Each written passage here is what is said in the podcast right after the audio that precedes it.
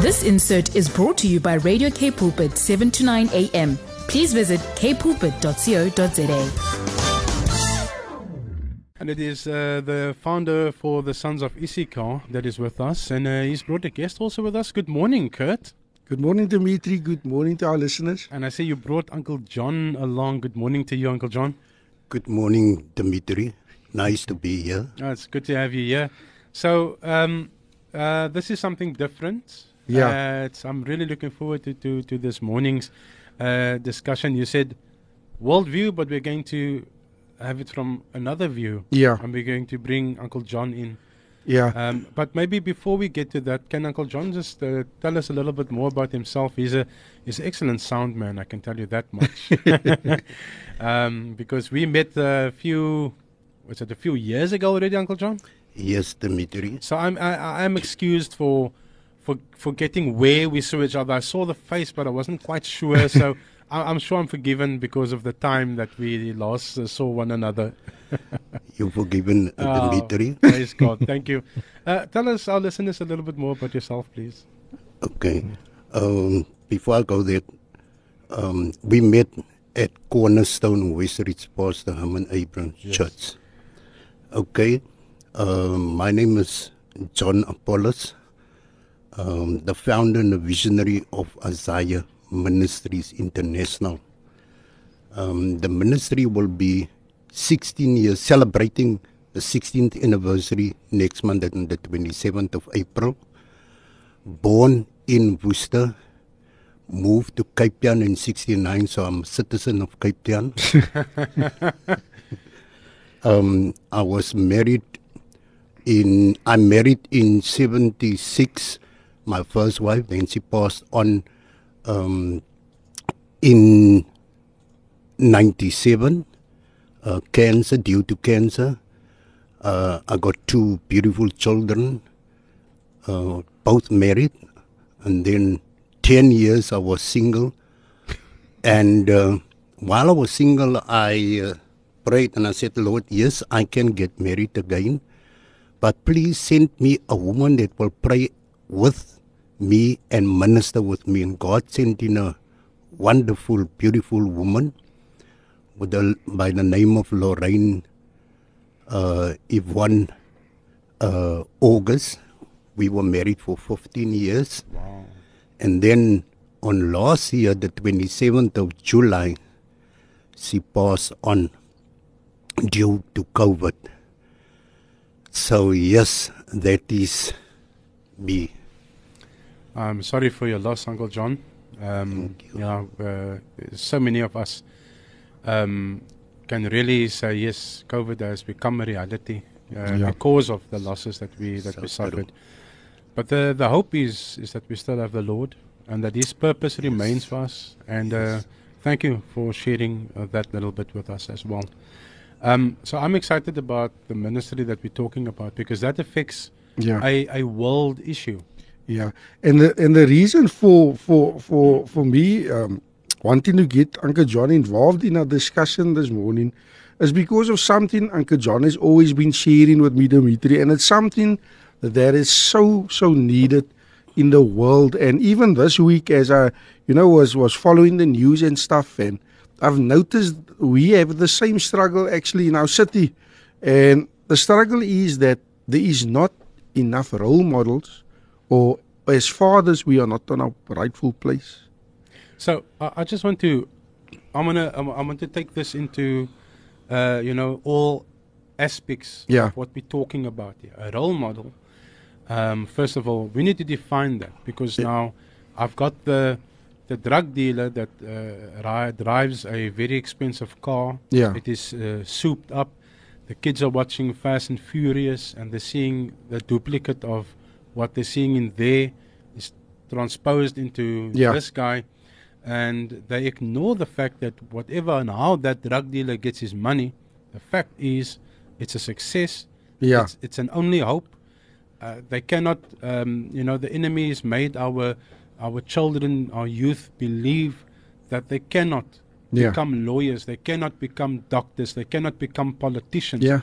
Um, so this is the only way, and so many of our youth choose that route, and almost no one makes it to the level of that guy that they've seen. Yeah. So there are wrong and right role models, and we are seeing too many wrong role models. So there are role models, Yeah. but they're playing the wrong roles. Yeah. No, 100%. 100%. And Uncle John posed something to me this week, Dimitri. He says he said to me that the Lord laid something upon his heart that he needed to actually start with himself and actually send a message to his kids asking them Mm. what type of father am I? Maybe Uncle John can elaborate more on that. Sure. Yes, please. Yeah. You know, Dimitri, I'm ministering in prison. God opened up doors, you know, ministering in prison, different prisons, the Corridors, South African. Also had the opportunity to go into Swaziland, ministering there. And then this is what my wife said, you know, while she was still alive and ministering together. She said, you know, I see you very fond of hugging these guys, whether it's Bonnytoun, Busansa, or in prison. But what about your son? And that hit me because my daughter, you know, I used to hug her, my son, just the handshake. But when she mentioned that, then I realized, yo, my son, if I don't hug him, if I don't give him the love, he will look, like you said rightly, he will look outside for a fatherly love. Yeah. And every time when Leroy comes to me, I hug him. When I video call him, I said, I tell him, Leroy, I love you. And that is so important. I agree what you guys are saying. Yes, there's these guys outside that will give love to our children. Yeah. Or attention. Or atten- attention. Yeah. Yes. Yeah. It, it's, it's, it's a false love. Yeah. um, a false commitment to uh, say, look, this is your family now. Yeah. You know, and, and, and that's all the love that you, if that's the only love that you receive, Yeah. that is the perception of love and the idea of love. You're going to grab it Yeah. because this love is providing certain things Yes. that I'm lacking. And, and, and thank you for your honesty, Uncle John, because th- that is so important. And I myself did it.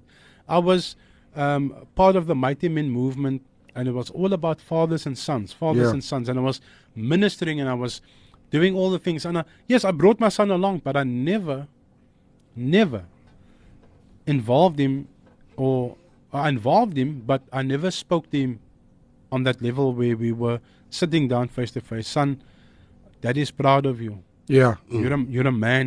Yes. You you're responsible. I never did that, mm. but I could preach it Yes. from from stages with Yeah. thousands of Yes. people. So yes, there are a lot of right role models, but they are too busy. Mm. Yeah. They are True. too they are too busy impacting outwardly, Yeah. which is good, but it begins at home. Mm, so It- true. and and, so and, true. and, and that's what we what that, that we are uh, neglecting. Yeah, I think I think that's that's what I even shared this morning when when I spoke about I need to you know lose some weight and stuff like mm. that because uh, something my wife posed to me. Mm. You always tired, mm. but I never I never even realized Dimitri that that was me because here my kids seeking my attention, but I'm always too tired to give them their attention. But what we need to do as as fathers and especially as as as men, we need to take responsibility. We need to start taking responsibility and be willing to do better. If I sorry, if I can just come in here, Dimitri, we are living in a fatherless generation.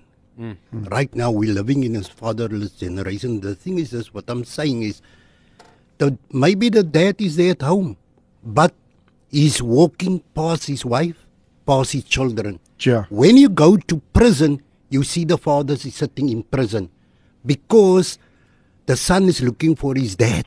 Yeah. He want to be like his dad, but the dad is in prison, or the dad is in is in gangsterism, or is on drugs. That is the problem. So, as the church, I would say we need to do more to get hold of that youngsters. I, I wanna I wanna throw a, little spanner in the works, almo- almost so to speak. Yeah. So, a father, fatherless generation, and I see many organizations which uh, focuses on that, and the ministry goes to the children, and you know the focus is on the on the on the sons and the Yeah. daughters, and I think that there's a lack in ministry to the absent fathers. Yeah. Yes. I think that there must be a focus to the fathers itself Yeah. as well, um, because they're not educated, because they grew up in a fatherless Yes. generation, Yeah. and so that is passed on. What we what are we looking at here? Yeah. It's passed on from generation to generation, So true. and we need to break that curse. Yeah. if I You- can say so. Yeah. You you speaking about that that Dimitri, I actually realized and and like I remember growing up with my grandma. My grandmother always used to cut the the the a quarter of the bread. She always used to uh, eh, eh, bake bread, but she used to cut the eh, quarter of the bread off. And I thought nothing about it. And there was a time when my mom always used to do it. And when I get buy unsliced bread, and I also cut off the corner. But I asked myself the question: But what is the reason why my grandmother or my mother used to do this? And guess what, Dimitri? I realized my grandmother did it because the bread bin that she had was not big enough. Ah. And my mother did it, and she had a bigger bread bin, but my mother also did it. I ended up doing it, but if you look at it, it's because nobody was willing mm. to take responsibility. So. Everybody just kept on cutting the quarter of the bread off. Mm. And that is exactly what we need to start doing, Dimitri. Mm. We need to start taking responsibility and we need to start saying, listen, there's things that needs to change. I am willing to start working on that. Yes. I am willing to do whatever it takes to bring the change. Mm. That is what we need to start doing. And and the big issue here is is that that is also a good thing that was carried on. Yeah. so to speak, in, in, in the sense of um, you can you can talk about where it comes from, Yeah. and and here is what's lacking in our fatherless generation, and that is identity, and I think that's the big problem. Wow. Yeah. If you don't know who you are, yes, you can you can tell a child that your identity is in Christ and all of that, but there is this longing still. Who, where do I come from? Yeah. in, in, in, in my bloodline, and that's very important. Yeah. I mean, I, I grew up being very proud. My dad used to talk about um, our, our uh, great great great grandfather and um, how we how we lived and what the family is, and be proud of a Murray. That's a Murray. That is, you are like this. That's a Murray. Yeah. Um, that is a that's a good quality. The Murrays are that, and you you're proud of that. Yeah. Um, uh, there's other funny sides of it. Um, I, for instance, I, I, I was on a, a mission trip um, all along uh, to the Eastern Cape, right up to um, Maritzburg, and back down to, through the Karoo. And when I got to George, um, I met a, a gentleman there that offered because this was a faith trip. I didn't have any place to sleep. I didn't have petrol money. Sure. It was all faith. It was just people coming along the path and saying, "Are you Dimitri? Yeah. Are you Pastor Arthur? The two of you come. Let us go. You're going to sleep with us tonight in our home." And then we- Wow. you know, so that was that kind of uh, um, trip that we did, and we we, we end up at this the door of uh, this gentleman, and he says, um, "Jy's a Murray." And I thought, did somebody talk about me or? And I said, yes, I am. Hy sê uh, van Beaufort Wes nee. Hulle sê van Marius van Beaufort Wes. Ek I said, yes. En hy sê ja, ek kan sien in julle ore. so there's and and I, and I smiled because that is true. Yeah. Die Marius het sulke groot ore. Ander mense sal weer sê ons het groot voorkoppe. Yeah. Ons het hom net nie hare nie. Dis al. Ons Ja. verloor se hare ook. Ehm um, maar dis eienskappe, fisiese eienskappe wat Ja. wat mense en daai man het opgetel en, en hy sê ja, ek ken nie Marius. Yeah. En en dan nie, dan het hy ook gesê uh, julle is my ouens wat die mense met mense met mors nie jong. Dis ek hom nee nee daai dis ek daai het is lankal omgedry. Daai het Ja. ek aan die Here gegee jare terug. So in my generasie het ons dit oorgehandig. Ja. Hy stigma moet nie meer met die Marius bely nie. Yeah. So uh, the identity. So there's there's a lot of connection to your where you come from. Ja. Moenie met met Kurt mos sê dat hy Oliver is ooh. Mm. Ken sy sy pa. Ja, hulle hulle so. uh, now just because of one person's trait, Ja. that is on you. So your identity is very important. En Ja. ek het dit geleer wat my identiteit is. En ek het gesê, eintlik het my broer van my gesê, ons moet dit nou afleer. Ja. Daai ding van moenie mos meneer Marius sê ons is kort gespanne ons. Ja. Nee nee nee nee nee. Wees kalm. Fruits of the spirit, patience, kindness, Ja. gentleness. Al daai goed. So dit is wat ons toe kom word het. 2 Korintiërs 5 vers 17. Ja. So jy kan die nuwe skepsel kom word. Maar van waar af transformeer jy? Dit is wat wat op die gedagtes van kinders is. Ja. En dit is belangrik wat ons moet doen en dit is wat ons vir vaders moet leer. Gaan leer dit vir jou kinders. Yeah. I, I I actually jo- jotted down ten points what what I thought is is important for fathers. Um, I don't know if, if maybe Uncle John, you first want to maybe speak about maybe the program that that that you are about to start with regards to the guys that will come out of prison. Yes. Kurt, yeah, and Dimitri, what God actually laid upon my heart, and this was, you know, way back. Um, we minister every week at Bonnytoun, and my wife and myself, we were discussing about this whole thing because once, you know, you go into prison or even into Bonnytoun, wat sê die pa? Waarvoor worry jy met hom? Laat hulle hom opsluit, dat die sleutel weggooi. That mentality. Mm. So when the youngsters in there and when they get released, where do they go? Because the community don't want them back again. The their own family don't want to take them anymore. So, you know, this is actually what God laid upon my heart that almost like a safe house. But how do you go about? Where do you start? Because look, Dimitri, the reason why two of my nephews were killed. They were killed. But they accepted the Lord inside of prison. They were in a program called Restorative Justice. People don't realize that inside of prison they made a big change. They accepted the Lord. But you know why? Uh, people don't want to accept them because of their tattoos. They can't get a job. They can't, you know, um, they can't be accepted in the community.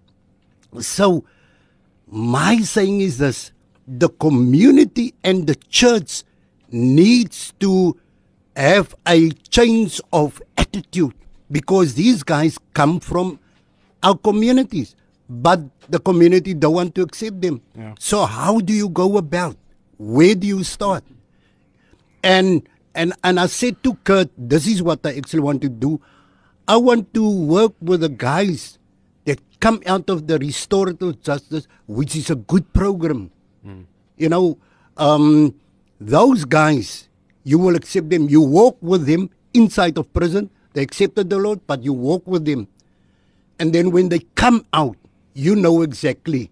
You know, because I mean, according to study, 80% of those that was incarcerated will go back again into prison. Wow. Wow. Sure. This insert was brought to you by Radio K Pulpit, 7 to 9 a.m. Please visit kpulpit.co.za.